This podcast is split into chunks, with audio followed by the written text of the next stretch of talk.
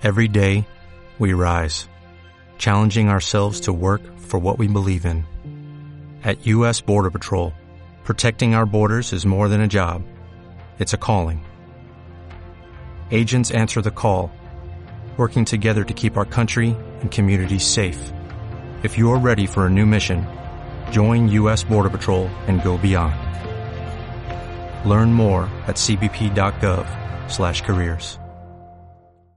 Donald Trump entra la guerra de Síria. Així ho va confirmar ahir la coalició internacional. El nou president dels Estats Units ha desplegat 400 marines i rangers nord-americans al nord de Síria per acabar amb l'autodenominat estat islàmic. D'aquesta manera, la presència militar augmenta un 80% a la zona on cooperarà amb les forces kurdes i àrabs. El coronel de les forces aèries del país americà, John Dorrian, ha afirmat que es tracta d'una mesura temporal. Les decisions de, les, de la Casa Blanca són unes, però com han estat rebudes al front de batalla? Doncs en una entrevista telefònica al país, John Richardson, que és general de la brigada dels Estats Units en territori síria, afirma que hi ha entre 50 i 70 atacs al dia.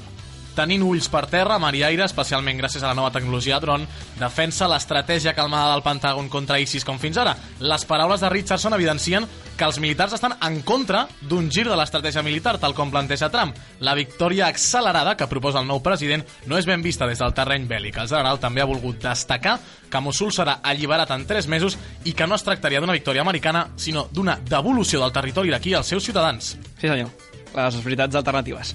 Cal destacar, però, que l'administració Obama va limitar el nombre de militars americans a Síria. Doncs sí, perquè el, mate el màxim nombre de tropes que Barack Obama va permetre al marxar del despatx Oval era de 503. Ara bé, les tropes temporals, entre cometes, no entren en aquest pack. Aprofitant aquesta escletxa legal, Trump té previst enviar un, eh, en breu centenars de soldats, en aquest cas a Kuwait, segons Associated Press. De Kuwait podrien unir-se ràpidament a les tropes antijihadistes americanes per realitzar atacs multitudinaris si fossin necessaris. De fet, acabar amb l'estat islàmic va ser una de les principals promeses electorals del senyor Trump. Doncs sí, tots recordem les paraules del magnat en campanya electoral acusant a Obama i Clinton d'haver fundat estat islàmic. D'aquesta manera, acusava els demòcrates de ser massa tous amb l'organització terrorista. Trump va defensar en aquell moment una política molt agressiva contra ISIS i, ara que ha arribat al poder, sembla que l'està començant a desenvolupar, però més lentament del que s'esperava. Aquest moviment militar sembla que és el primer d'una política militar incerta.